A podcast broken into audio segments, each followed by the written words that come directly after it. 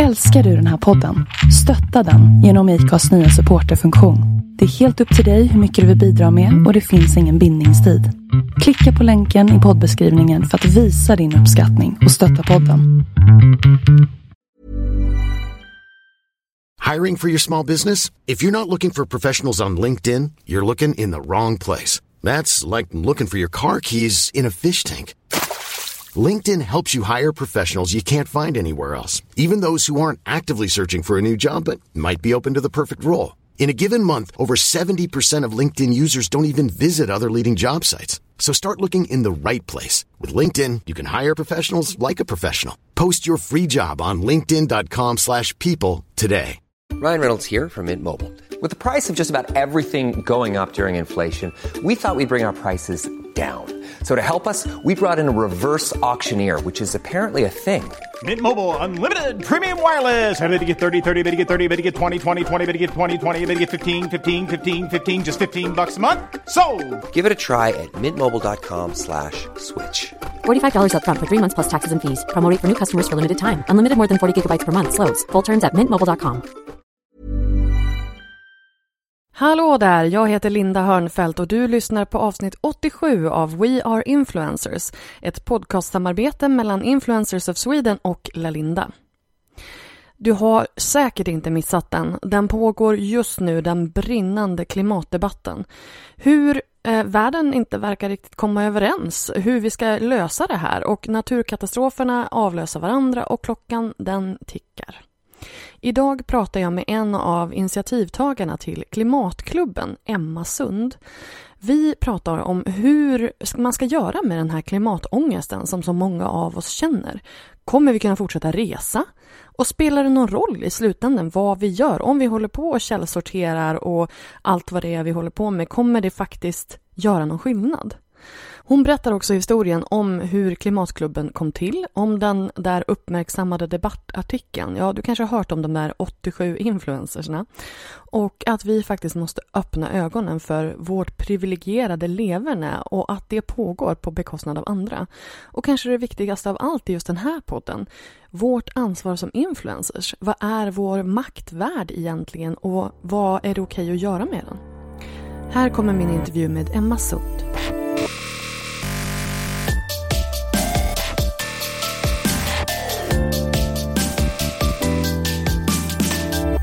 Dina sparade höjdpunkter är bland det första som en besökare ser på din Instagram-profil. Därför så vill jag ge dig några tips om hur du bäst kan använda de här höjdpunkterna för att få nya följare.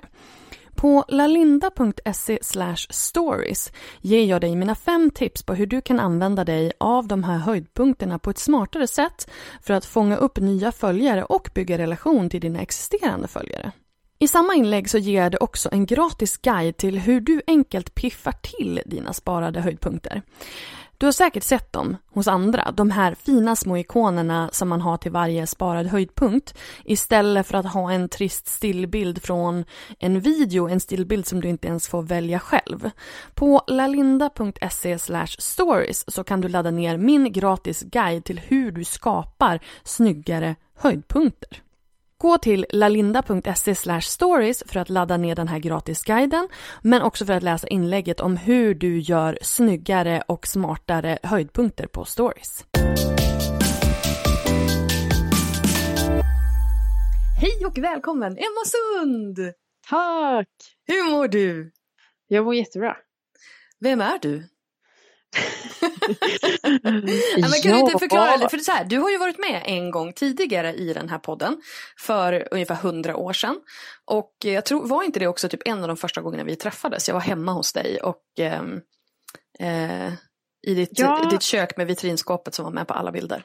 Exakt, och vi har nog setts några gånger men det här var första gången du eh, var hemma hos mig. Ja, Eller precis. vi umgicks under en längre tid kanske. typ två timmar. Mer än på ett event om man bara hej hej tjing tjing. Du vet. Exakt. Exakt så. Ehm, och det här kan man då gå tillbaka i arkivet och eh, titta på. Eh, jag kommer att lämna en länk i show notes så ni kan gå tillbaka och lyssna på det.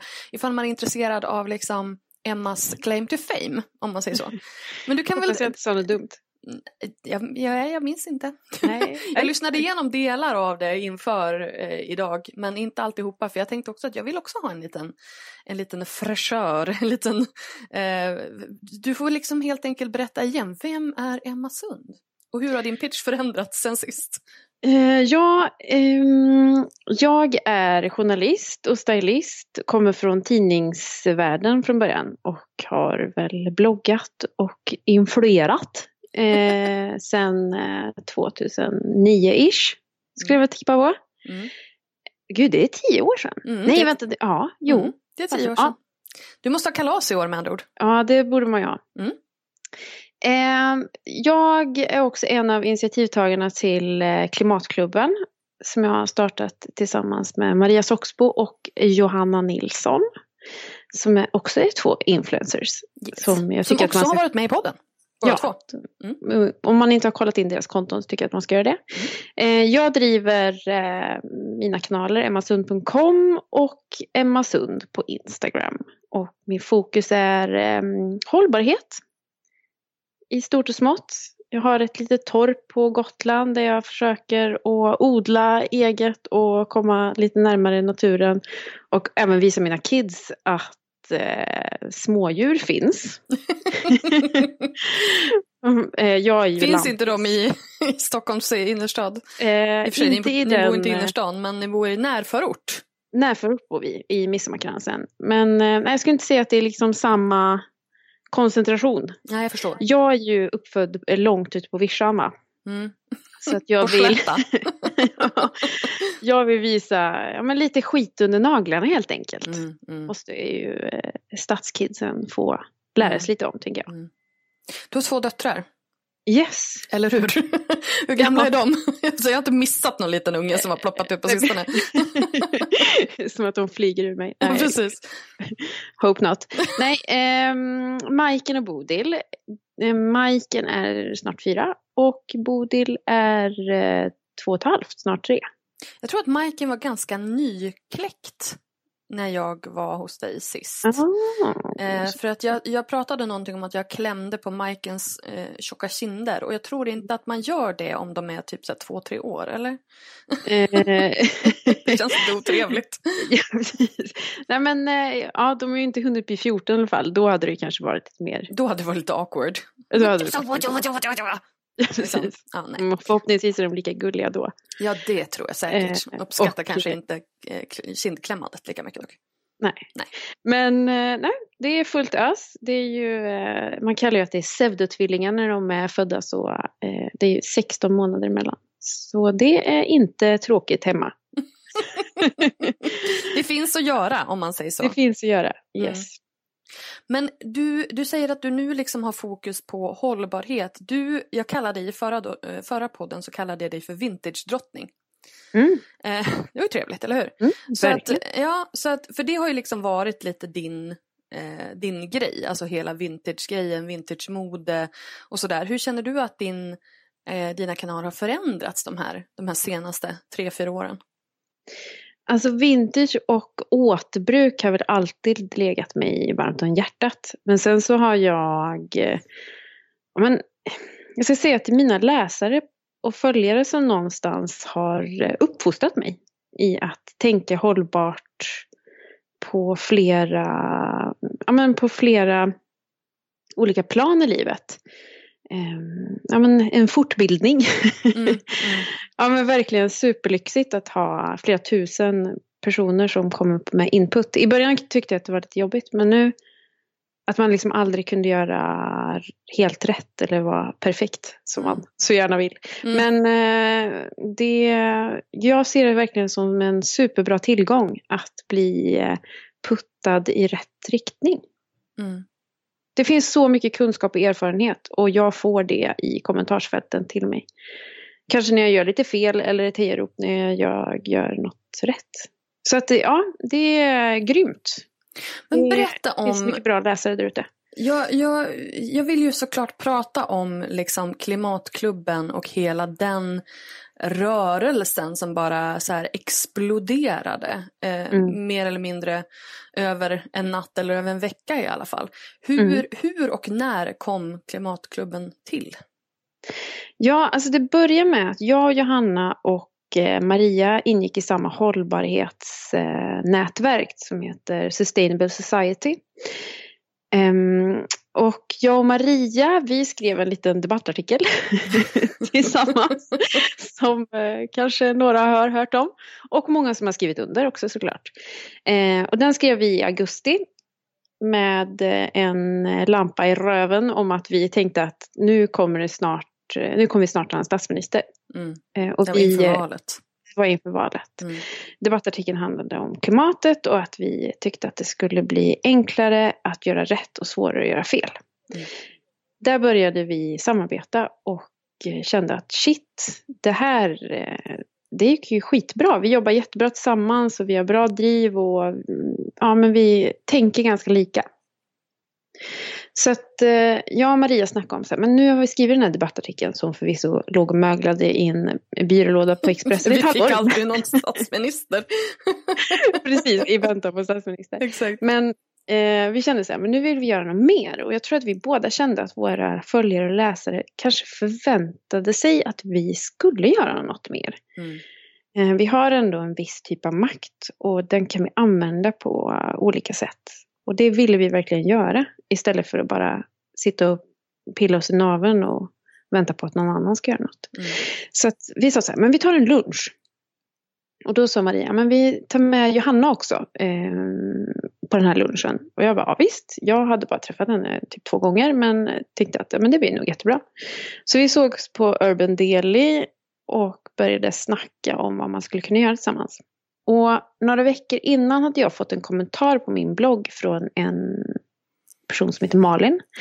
Som eh, var ganska uppgiven och sa så här, vad fasen ska jag göra? Jag har sån jädra klimatångest. Hon kanske inte svor så lika, lika mycket som jag gör men... Du kanske du är ganska chill med, lite- med ditt jädra. Ja, det kommer ju. Jämans. Nej. Precis. Nej men hon var, hon var mm, ledsen för att Mm. hon hade så mycket klimatångest och hade inte så många i sin närhet som, eh, som tänkte på samma saker eller som hon kunde få någon tröst eller kanske men som hon kunde prata med. Mm. Så då började jag och Malin prata i kommentarsfältet och sa, vi började snacka så här, man borde ha så här klimatklubbar där man kunde träffa likasinnade och prata om klimatet, hur man kan göra, för man tillsammans är man stark och eh, det är alltid enklare att göra saker tillsammans. Om man ska trycka på politiker eller företag eller få någon aning om vad man kan göra själv och så där, på alla plan. Liksom. Eh, Så då tog jag upp den här eh, diskussionen som jag hade haft med Malin med Maria och Johanna och sa att det här med klimatklubb kanske vore något. Och Maria och Johanna bara, ja men det här kan vi spinna vidare på, sa de. Eh, så då eh, tackade vi adjö och sa vi hörs.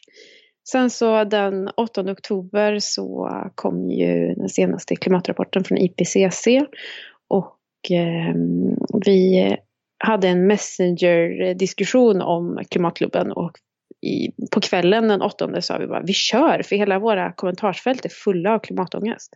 Vi bara kör ut ett Instagram-konto som heter Klimatklubben och eh, tipsar om alla att gå dit. Och över natten så fick vi tusen följare eh, medan vi låg och sov. vi vaknade upp och bara, jaha okej vi var verkligen inte ensamma, det fanns Ja. ett behov för det här. Mm.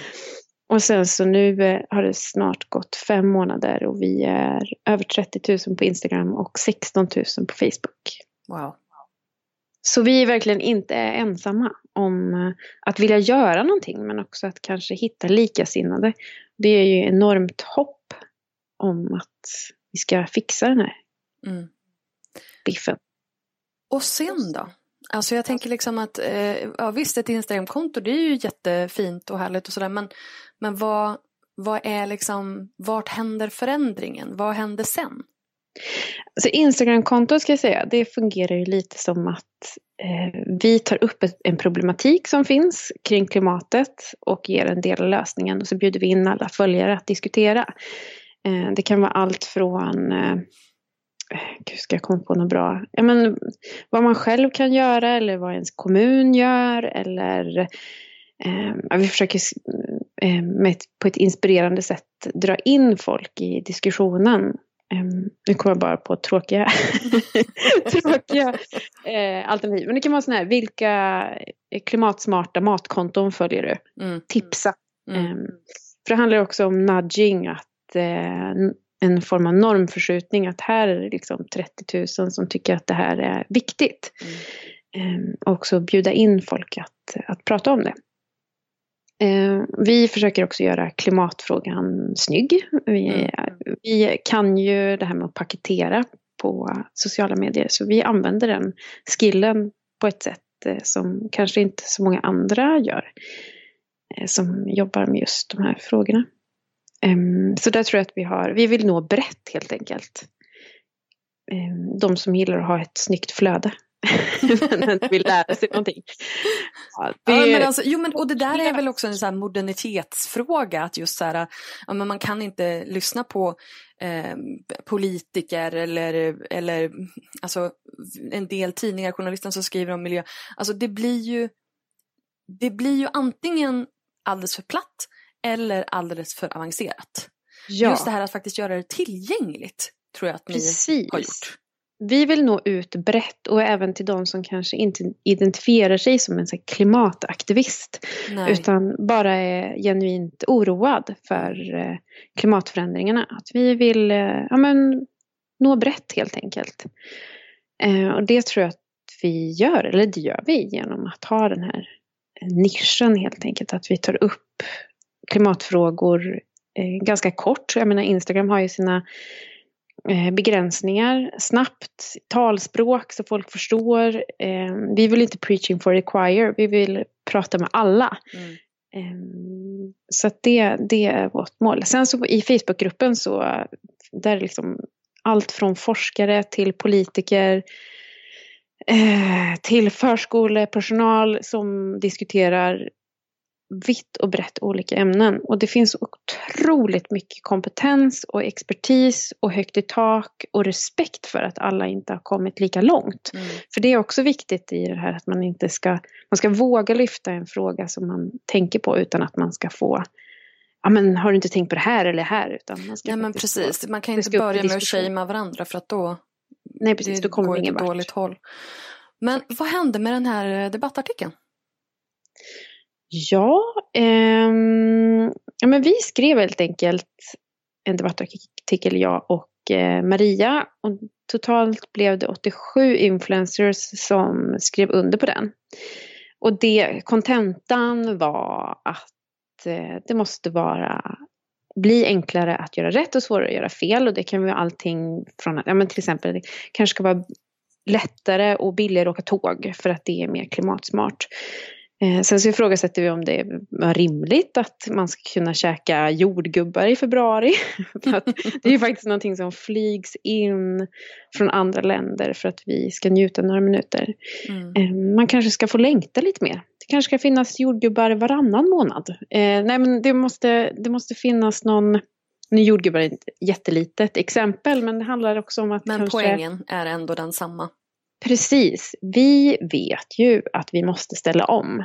Mm. Eh, Så hur gör vi det då? Och hur får vi hjälp att göra det? Mm. Det är ju därför vi adresserade den här eh, debattartikeln till eh, Stefan Löfven.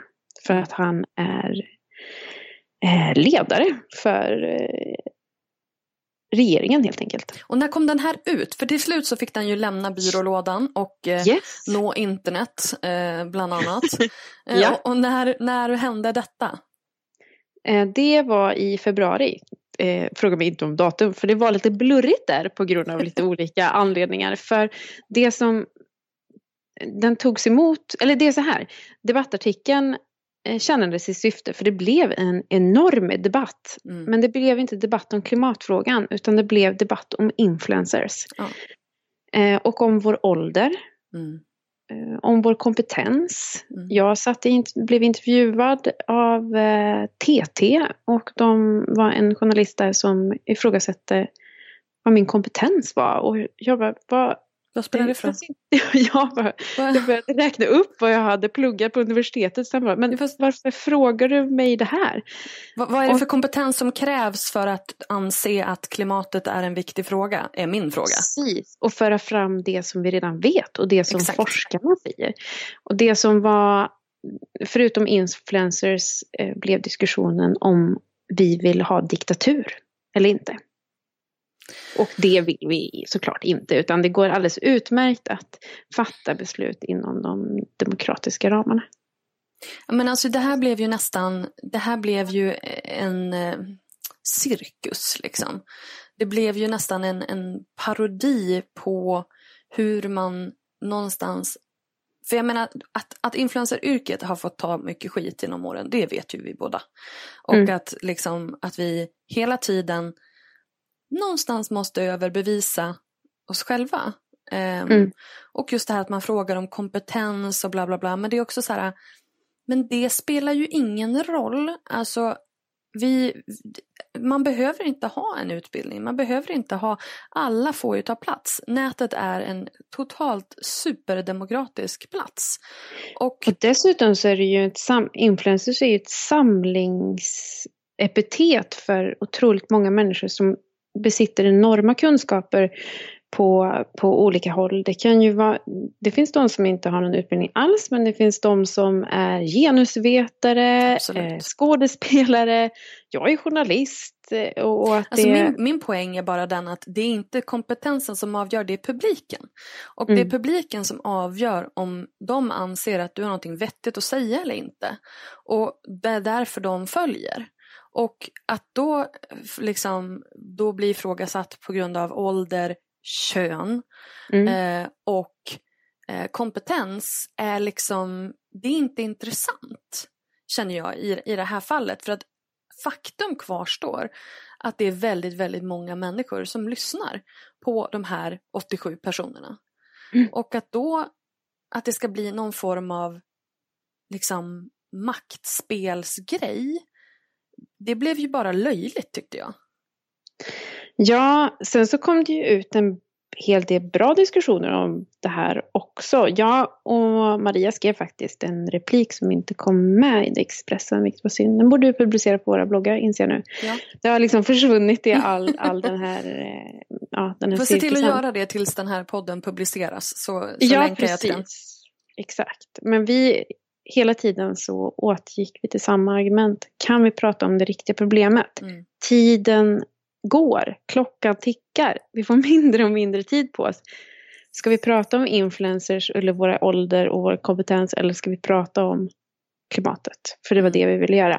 Mm. Sen så fick jag faktiskt ett, eh, ha en väldigt fin historia för jag fick ett eh, mail från en person som sa att han sket i eh, klimatet och mm, sa att vi var ute och cyklade och att vi knappt var torra bakom öronen och eh, jag hoppas ja. den här historien vänder snart för att det, inledningsvis så kändes den inte så fin. Nej precis och han sket, i, ja, men han sket i klimatet och tänkte fortsätta att leva som han gjorde. Eh, och jag svarade bara att eh, tack för din feedback. Eh, jag blir jätteglad över ditt mejl och skrev att så att du skrev att jag var knappt torr bakom öronen. Eftersom jag precis fyllde 36 och genomsnittsåldern på de som skrev under debattartikeln var just 36. Mm. Så det känns ju bra att man är ung och fräsch. Mm. Eh, tack och en trevlig dag skrev jag. Och han skrev tillbaka till mig på mejl och vi hade en diskussion och det kom fram till att han bara inte ville att det skulle ligga på individens ansvar att göra rätt. Och där... Det är ju precis det ni var ute efter. Precis, och då eller vi, jag skrev ju också under så jag är också så här, det är ju ja, det, det, det, det, det som var hela poängen. Ja, och det blev så himla bra det där mejlkonversationen att vi hälsade varandra en trevlig vecka och mm. eh, för det, ju, det handlar ju om att det inte ska vara upp till individens. Nu är det upp till individens, företagens, kommunernas eh, och samhällets, det är samhällets ansvar, det är allas ansvar. Mm. Vi kan inte peka på någon annan hela tiden. Så vi måste peka på oss själva och alla andra mm. samtidigt. Alla ja. måste liksom dra sitt strå till stacken. Men det men måste att, bli såklart. Men att du ändå någonstans, alltså då, då, känner man ju att man faktiskt har nått fram när man på något sätt liksom vänder den här personen och vänder pekfingret tillbaka på honom själv därför att ja men det var ju det vi sa. Ja, och att han inte någonstans insåg det liksom. Ja, men det var så himla fint för jag brukar inte svara på sådana här mejl för det brukar vara ofta som att dunka huvudet i väggen. Ja. Eh, men eh, det blev så himla bra samtal och vi var ju överens. Ja, och det, var väl det, det är väl också det som är grejen någonstans med att vis- vissa, och det här har vi pratat om i många år, att det är väldigt många, speciellt män, eh, speciellt äldre män, som blir otroligt provocerade av influenceryrket och det faktum att man kan vara eh, ung tjej, framgångsrik, utan någon högre utbildning och ändå lyckas. Liksom. Mm. Man, man, man, man, behöver inte gå de här, eh, liksom, man behöver inte få någon annans godkännande eh, för att få ta plats på den stora allmänna scenen. Ehm, och att då någonstans en sån person får en liten tankeställare. Mm. För det fick han ju såklart. Du var ju vältalig och gav svar på tal. Ja, jag hoppas att vi är kompisar. Nej, men det känns det. Nej, men det, jag tycker att det är så bra med just samtal. Det pratar vi också mycket om i Klimatlummet. Att vi måste prata om det. Sen är det inte Mm. alltid man orkar ta diskussionen. Särskilt inte när man blir kallad det ena och det andra. Nej. Men, men det viktigaste gällande klimatet är att vi pratar. För det är då vi flyttar fram eh, vad som är norm helt enkelt. Ja. Vad som är okej att prata om och att det inte blir obekvämt och sådär. Så att eh, ja, det är viktigt att prata om. Och om influencers. Eh, också. Eh, vi fick ju oss en dänga där av eh, Jan Guillou som eh, tyckte att influencer, han ville prata om influenceryrket Ja, i och med debattartikeln helt enkelt. Och det var väl kanske inte den mest nyanserade bilden som han gav. Men eh, det är ju en annan diskussion. ja, fast kan vi inte bara peta lite grann på den? Vi vill peta lite på den. Jag vill peta lite Ja, grann på den han, historien. Vad eh, var det han jag kommer sa? inte ihåg exakt vad han skrev men han pratade om eh, unga influencers eh, som sålde smink. Mm. Och eh, att det var... Här, den här diskussionen hade vi för tio år sedan. Har han inte hängt med? Jo men också så tror jag att, jag tror också att det är, det kanske är svårt för folk som inte är inne i branschen att veta att det finns ett så, en så stor bredd på ämnen och personer och åldrar.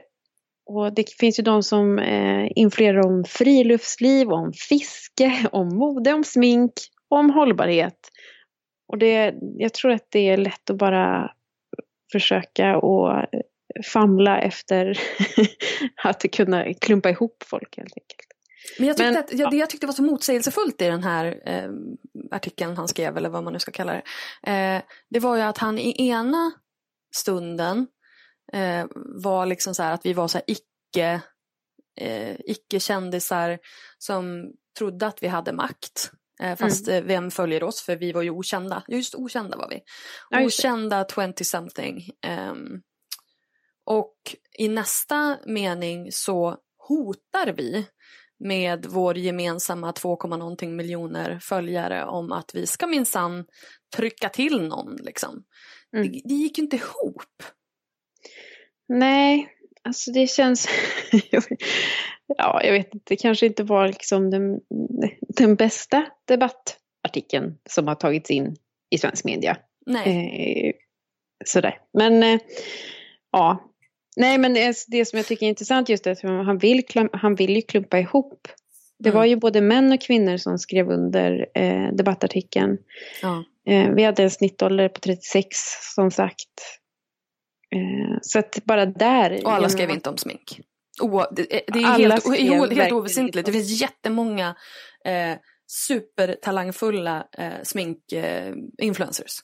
Så Ja. det är också så här helt orimligt att man bara ska, ja men det är trams men allting annat är bra. Smink tycker jag också är, är, är liksom, alltså ett fullt rimligt intressant ämne. Men sen så handlar det ju också om att man, man måste få kunna vara intresserad av ett ämne men ändå bry sig om klimatet. Ja.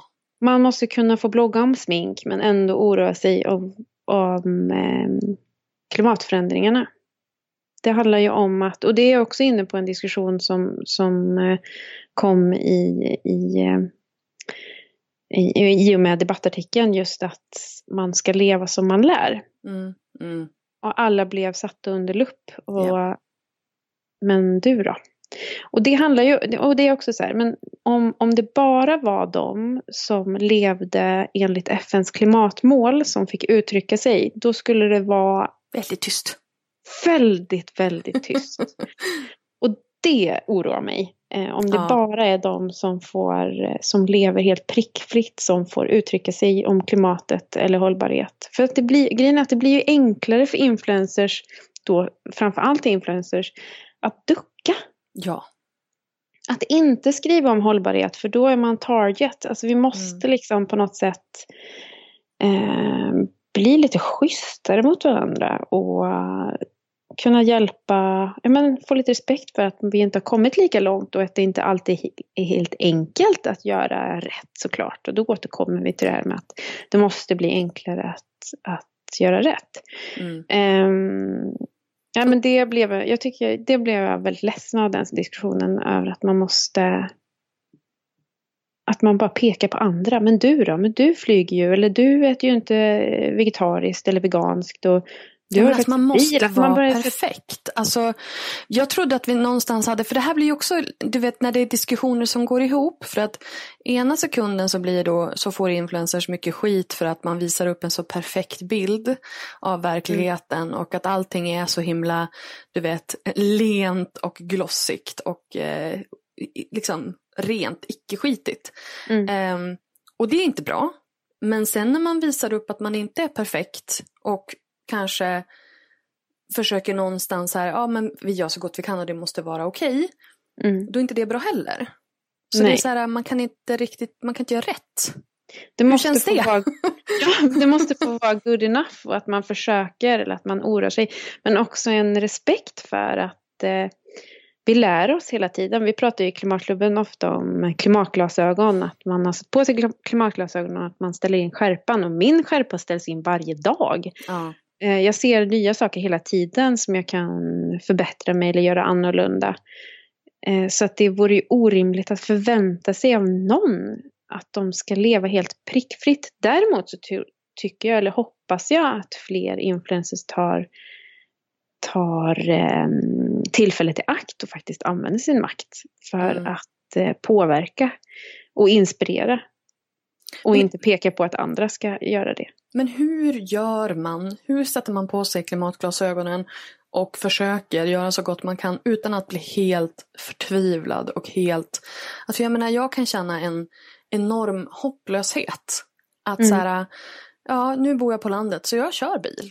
Och jag kör Mm. inte bil varje dag för jag, jag jobbar ju hemma, kan jobba hemma ganska mycket. Så att jag, eh, men jag kör en ganska liksom, gammal bil. På ett sätt är väl det bra men på ett annat sätt är det dåligt. Och du, alltså du vet, det känns ju som att man kan alltid göra mer, man kan alltid göra bättre.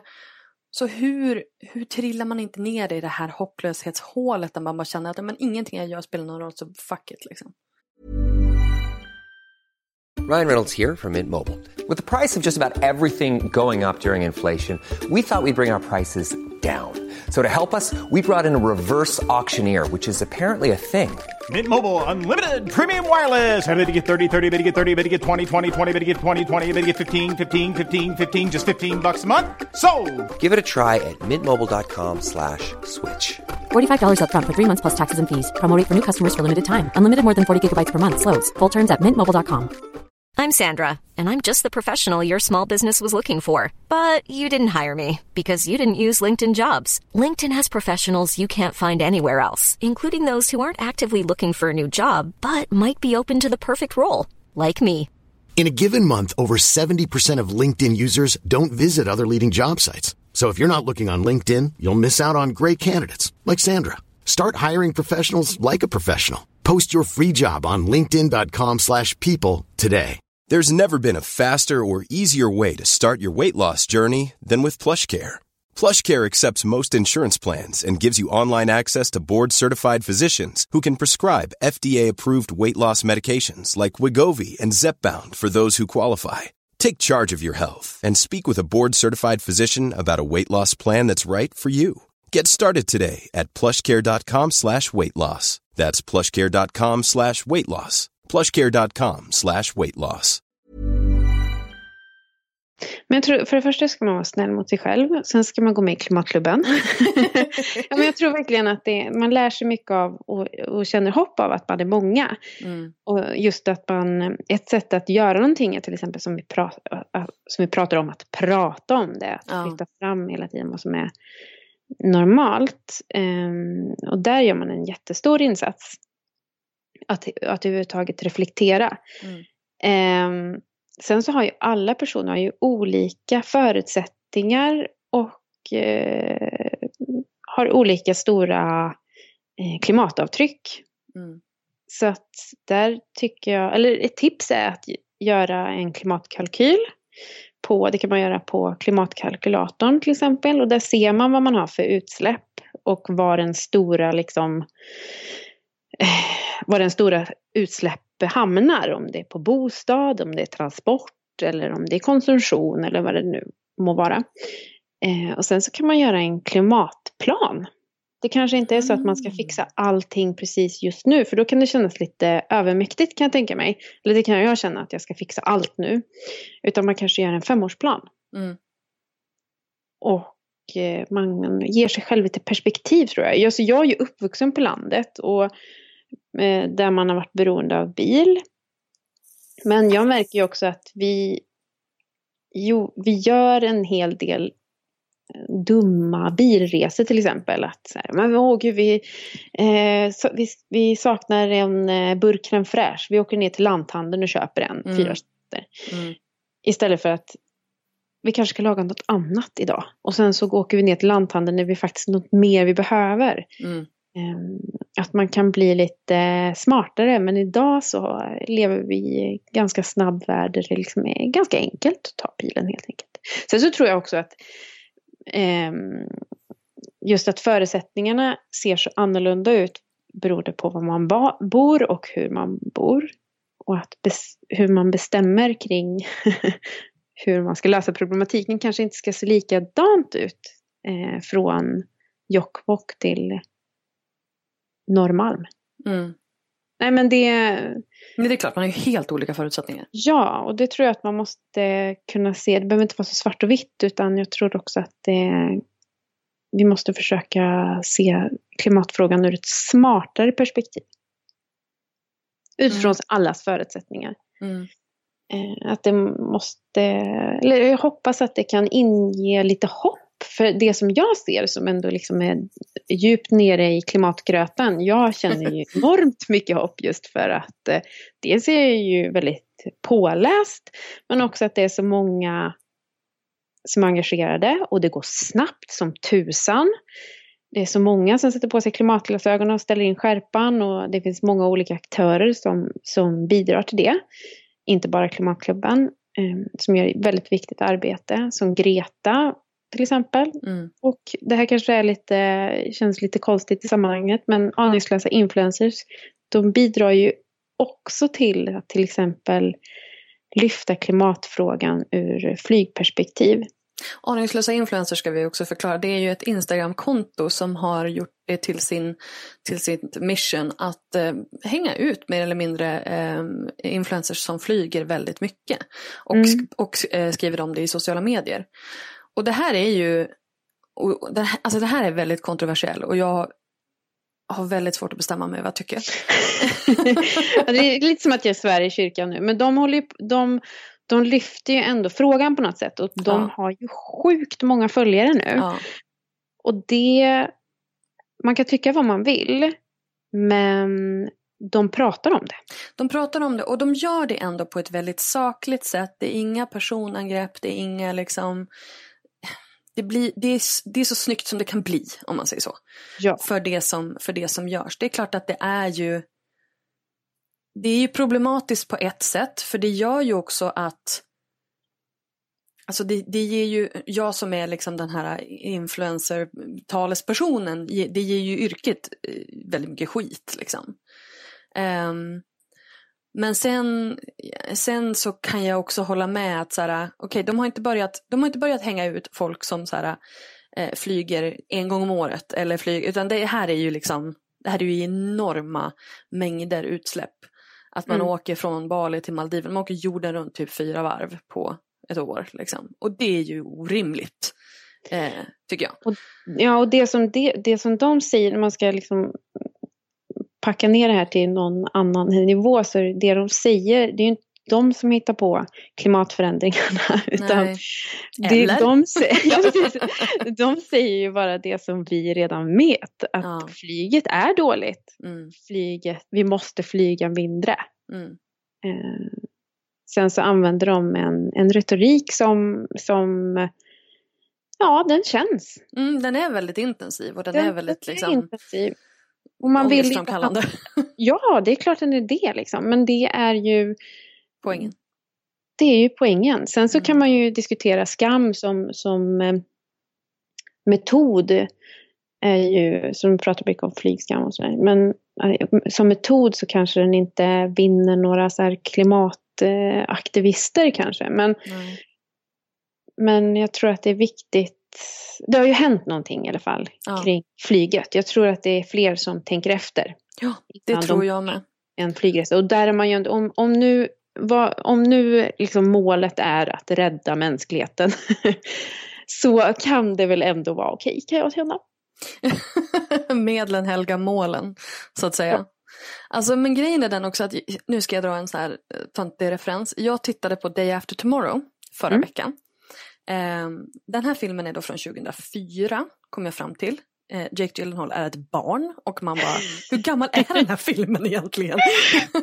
så gud vad roligt. Jag Eh, kommer inte ihåg men- vilken film det är. Det här är en film som handlar om eh, att eh, miljön går totalt bananas och eh, vi går helt Ja, enkelt väsentligen in i en ny istid. Mm. Eh, och det som, det som händer är också så här att ja, men det, det, blir- det blir ju tsunamis och det blir ju vulkanutbrott och det blir ju ja, men e- extrema, ex, ex, de extrema extremvädren. Mm. Och det slutar ju med att typ Golfströmmen får, går bananas och eh, jag vet inte, flyttar på sig eller dör eller vad jag vet inte vad den gör för någonting, jag kan inte sånt där. Men it's bad. och eh, slutar med att eh, eh, hela jorden fram ner till typ norra Afrika, ja men till ekvatorn mer eller mindre, eh, täcks av is. Alltså det blir en ny istid. Mm. Och det som är grejen med den här filmen, till skillnad från många andra så här, katastroffilmer, eller, det är att det finns ingen hjälte. Jo, det finns en hjälte, men han är dum i huvudet. För att han, ja, men han ska typ täcka halva USA på snöskor bara för att han ska ta sig till New York för, till sin son. Fast det finns ingen poäng, för han, han kan inte göra någonting när han kommer dit. Det är inte så att han så här, kommer att rädda, utan han bara, jag är här nu. Och man bara, Fast vad gör du här? Två personer dog på vägen. What are you doing? Liksom. Ah, skitsamma. Eh, så jävla dumt. Eh, och, eh, nej men, så det finns liksom ingen så här, du vet som Armageddon, de ska åka upp ett gäng och spränga den här asteroiden eller eh, vad det nu är för någonting. Det finns ju oftast någon, någon som ska lösa problemet. Mm. Men här löser ingen problemet utan shit hits the fan. Och Mm. liksom allting går åt pipan. Sen så överlever hjälten såklart. Så liksom, på så sätt så slutar det ju väl. Men det är jättemånga andra som dör. Som de inte då lyfter. Ehm, och jag kände så här, det här är nog den mest realistiska katastroffilmen jag någonsin har sett. Därför Mm. att, eh, och du vet, och de pratar om, om Golfström och de pratar om saker som vi nu 15 år senare, jag menar, när man ser den här filmen nu, då är den inte så himla orimlig. Mm. Nej. Att, och där är det problemet så här, är det så här, men vi kan inte skrämma upp folk. Vi kan inte liksom, vi kan inte eh, prata om det här därför att eh, då blir det ju panik och då, vad händer då med vårt samhälle? Typ, om Mm. man faktiskt skulle prata om, okej, vart, v- vad är det som är på väg att hända på riktigt? Vi säger bara så här, ja, vår planet kommer att gå under. Fast vad betyder det liksom? Och vad betyder det för oss? Därför att när vi pratar tsunamis eller vulkaner eller översvämningar eller vad det är för någonting. Det, det når ju sällan oss. Vi Precis, har ju det- inga extremväder. Vi har en storm då och då. Det som är problemet, förutom att vi inte har Bruce Willis eh, som vår Han hjälte han som vi kan inte- invänta. Han är inte ens med i den här filmen. han hade inte varit så dum att han försökte träcka 20 mil i snöskor när det är så här minus 40. Nej, faktiskt inte. Nej, Eh, nej, men problemet med klimatfrågan är ju att det är en stor förändring under lång tid Mm. som vi inte ser. Det är luktfritt. Eh, vi ser den inte med blotta ögat här uppe i norr. Mm. Men eh, krast och ganska hårt sagt så är det ju eh, ehm, inte vi som drabbas i första hand. Nej. Utan Men när isen kommer, Emma, när isen kommer, då är vi fett körda. Det är kanske inte isen vi ska eh, oroa oss för just nu, men eh, kanske torkan och matförsörjningen. Mm. Det som vi ska komma ihåg är att det är ju vårt leverne, vi som har det väldigt gott ställt och vi i Sverige som lever eh, på 10 ton koldioxidutsläpp varje år. Det är vårat leverne som vi lever på bekostnad av andra Mm. på ett sätt. Eftersom det är inte vi som drabbas. Ja, då hårdast. ser vi det inte. Det är det Vi som är det stora problemet. Men då ska vi komma ihåg de fattiga kvinnorna som inte har råd att eh, fly när deras ö slukas av havet. Eller de som inte har råd att köpa mat när eh, deras skörd slår fel på grund av klimatförändringarna. Nu är det ju inte bara upp till gemene man såklart, det är inte individerna utan det är företaget och samhället också. Mm. Men vi kan ju, eh, jag menar vi är ju opinionen. Politikerna lyssnar ju på opinionen. Om inte vi säger att vi vill ha en förändring så varför skulle de bry sig? Mm. Men och sen så är det ju att det är ju inte jorden som går under utan planeten, kom, de, planeten klarar sig alltid. Det är ju mänskligheten som ligger lite pyrt till. Mm. Det som man eh, tror eller eh, ja, det som riskerar att hända är ju att det blir mer extremväder som torka och översvämningar. Alltså det blir jättetorrt på vissa ställen och översvämningar på andra Mm. eh, ställen. Eh, och att vissa platser blir helt obeboeliga. Mm. Till exempel runt ekvatorn. Och det betyder ju att det är en jädra massa människor som behöver ta, tas Ta vägen någonstans. vägen någonstans. Ehm, och matförsörjning och sådär. Men jag menar, vi kommer ju drabbas också. Vi drabbas redan. Det ser vi ju på den här sommaren med bränder och Mm. jag tror ingen skulle vilja vara inringad i en, i en skogsbrand såklart. Ehm, men vi kommer ju förmodligen också se mycket torka. Jag menar, jag har torp på Gotland och där eh, regnar det en gång på hela sommaren. Mm, men det var ungefär som, som hos oss. Vi hade ju, vi har ju, alltså jag har ju egen brunn nu. Mm. Kul det- för dig! Ja, fast det vet fan alltså. För att det var ju verkligen, den var ju på väg att, att bli tom. Så att Ja. liksom, det är ju också så här, vi tog ju till alla, alla små tricks för att spara vatten i somras. Och då är det ändå liksom så här, det vi kunde egentligen bara så här, jag kunde ju åka in till stan och hämta vatten hos mamma som har kommunalt Mm. vatten. Så att för mig så var det ju väldigt, det var ju en väldigt liten eh, effort jag behövde göra. Det var ju ingenting som egentligen eh, hade en impact på mitt liv. Ehm, för jag menar, jag tänker på just det här att och då kommer man in också på hela den här diskussionen med liksom flyktingkrisen och sådär. Vad händer när ett helt land försvinner liksom under havet eller brinner upp? Alltså Mm. vad ska de personerna ta vägen då? Om man inte tänker liksom kollektivt. Mm. Att det är en jord och att vi är en planet och vi måste samsas om den. Utan Mm. att de här gränserna är så tajt dragna så när isen kommer då har vi ingenstans att ta vägen. För att då är Afrika så här bara nej tough shit, vi har stängt.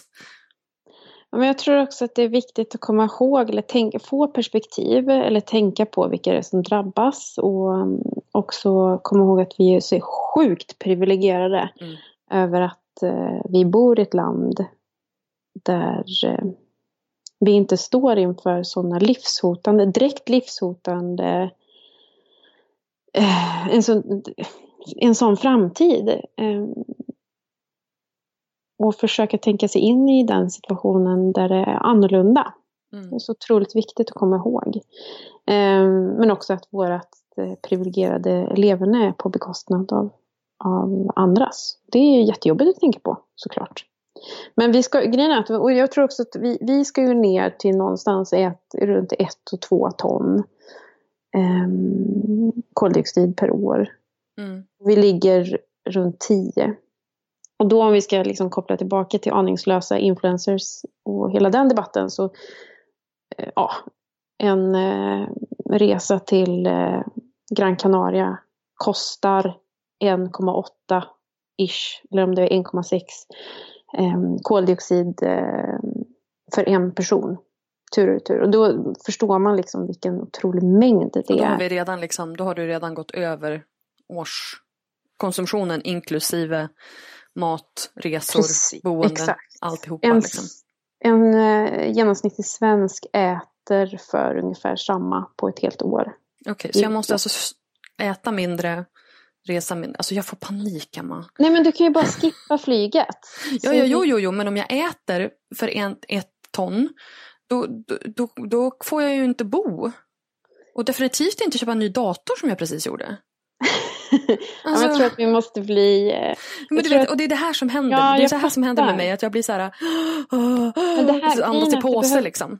det här behöver ju inte ske just ju nu, nu, nu. Men däremot så måste vi börja tänka. Och ju längre vi väntar desto större utsläpp blir det ju. Så att jag tänker att ja, men du kanske inte ska köpa dator på ett tag.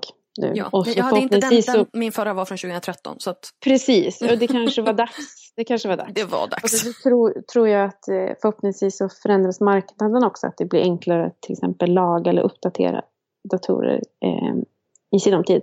Men jag menar, vår, vårt samhälle förändras ju i en enorm takt också. Och förhoppningsvis så rimmar den med det sättet vi behöver leva på. Mm. Men eh, vi kan väl, vi kan väl eh, säkert vara överens om att vi kanske konsumerar lite mer än vad vi behöver.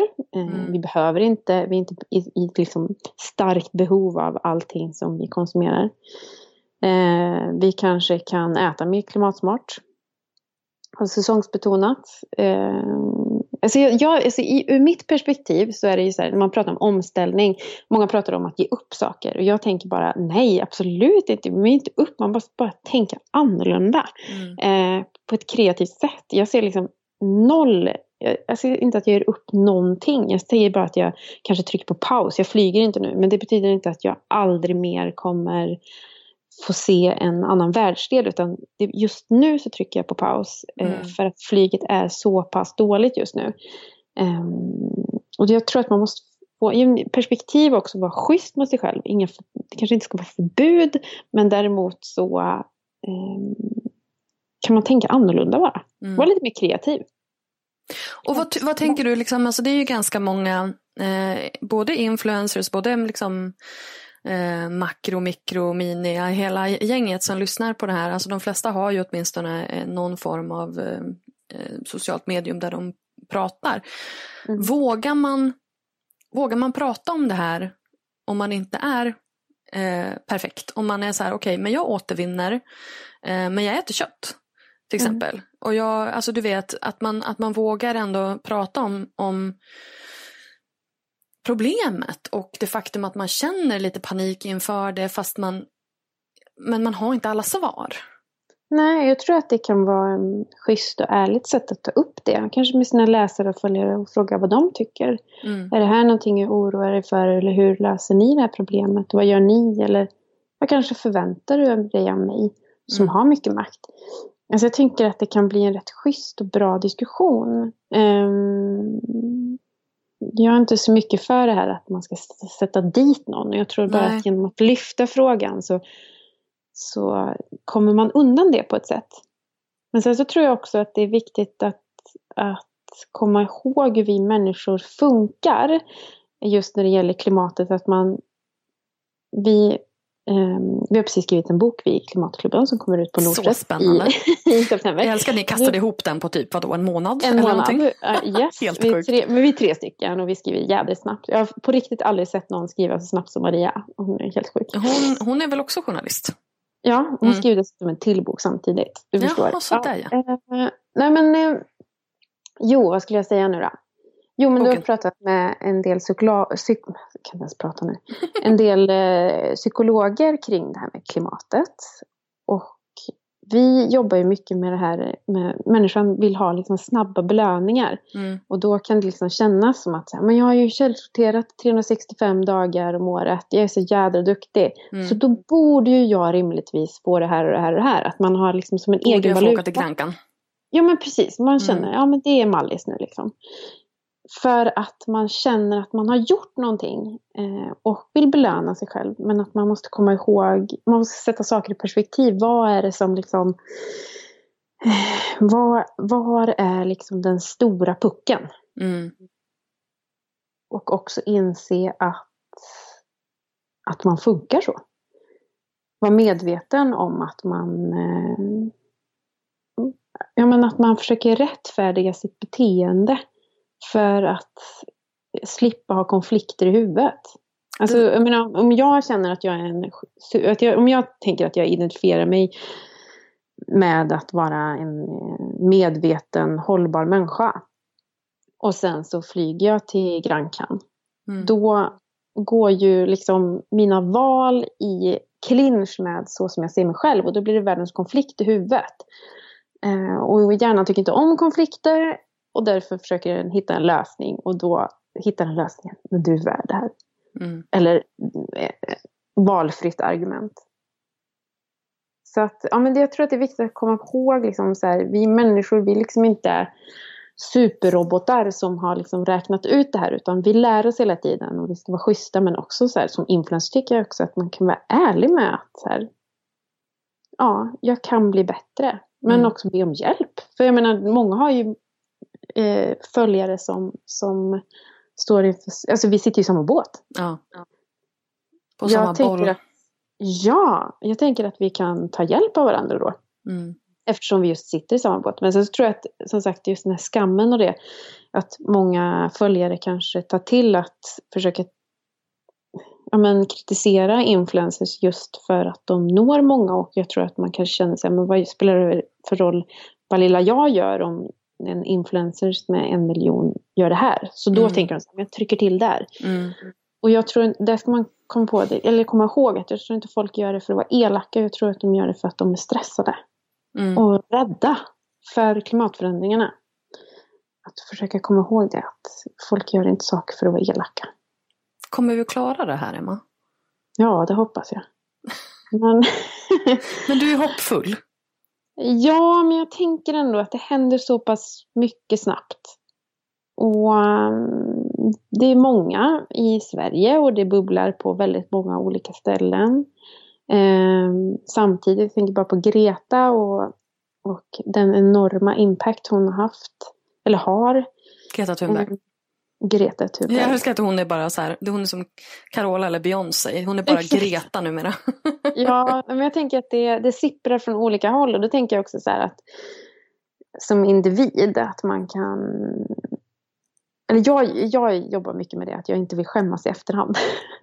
Men man vill Jag vara vill- på rätt sida av historien.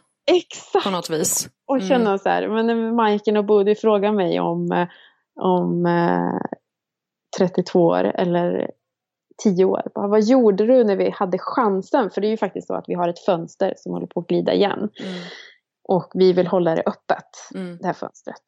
Risken är att det glider igen. Så nu har vi liksom det här lilla, den här lilla fönsteröppningen. Eh, en chans då eh, att eh, förändra. Mm. Och den vill, chansen vill jag ta.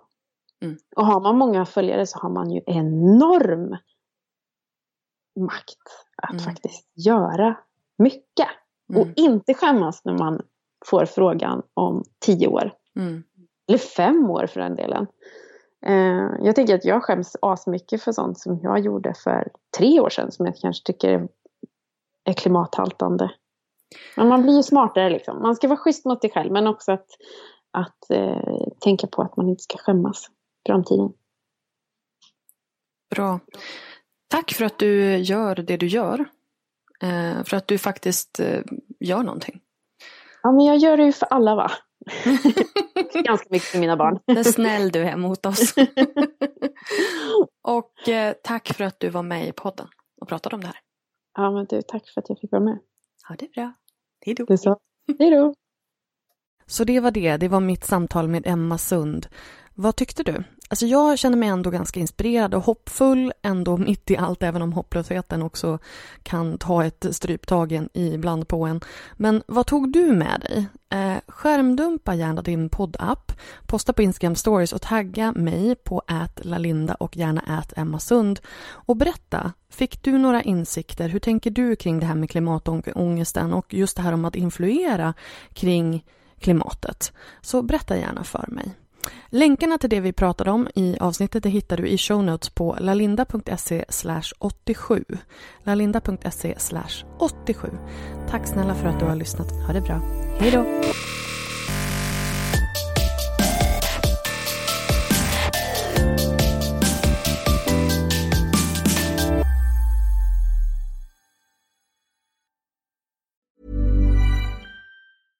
Hey, it's Paige DeSorbo from Giggly Squad. High quality fashion without the price tag. Say hello to Quince.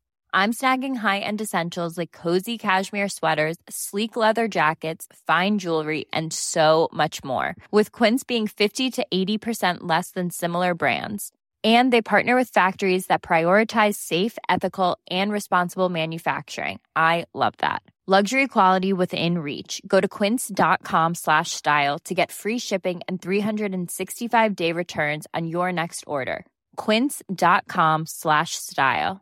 Mom deserves the best, and there's no better place to shop for Mother's Day than Whole Foods Market. They're your destination for unbeatable savings, from premium gifts to show-stopping flowers and irresistible desserts. Start by saving 33% with Prime on all body care and candles. Then get a 15-stem bunch of tulips for just $9.99 each with Prime. Round out Mom's menu with festive rosé, irresistible berry chantilly cake, and more special treats. Come celebrate Mother's Day at Whole Foods Market.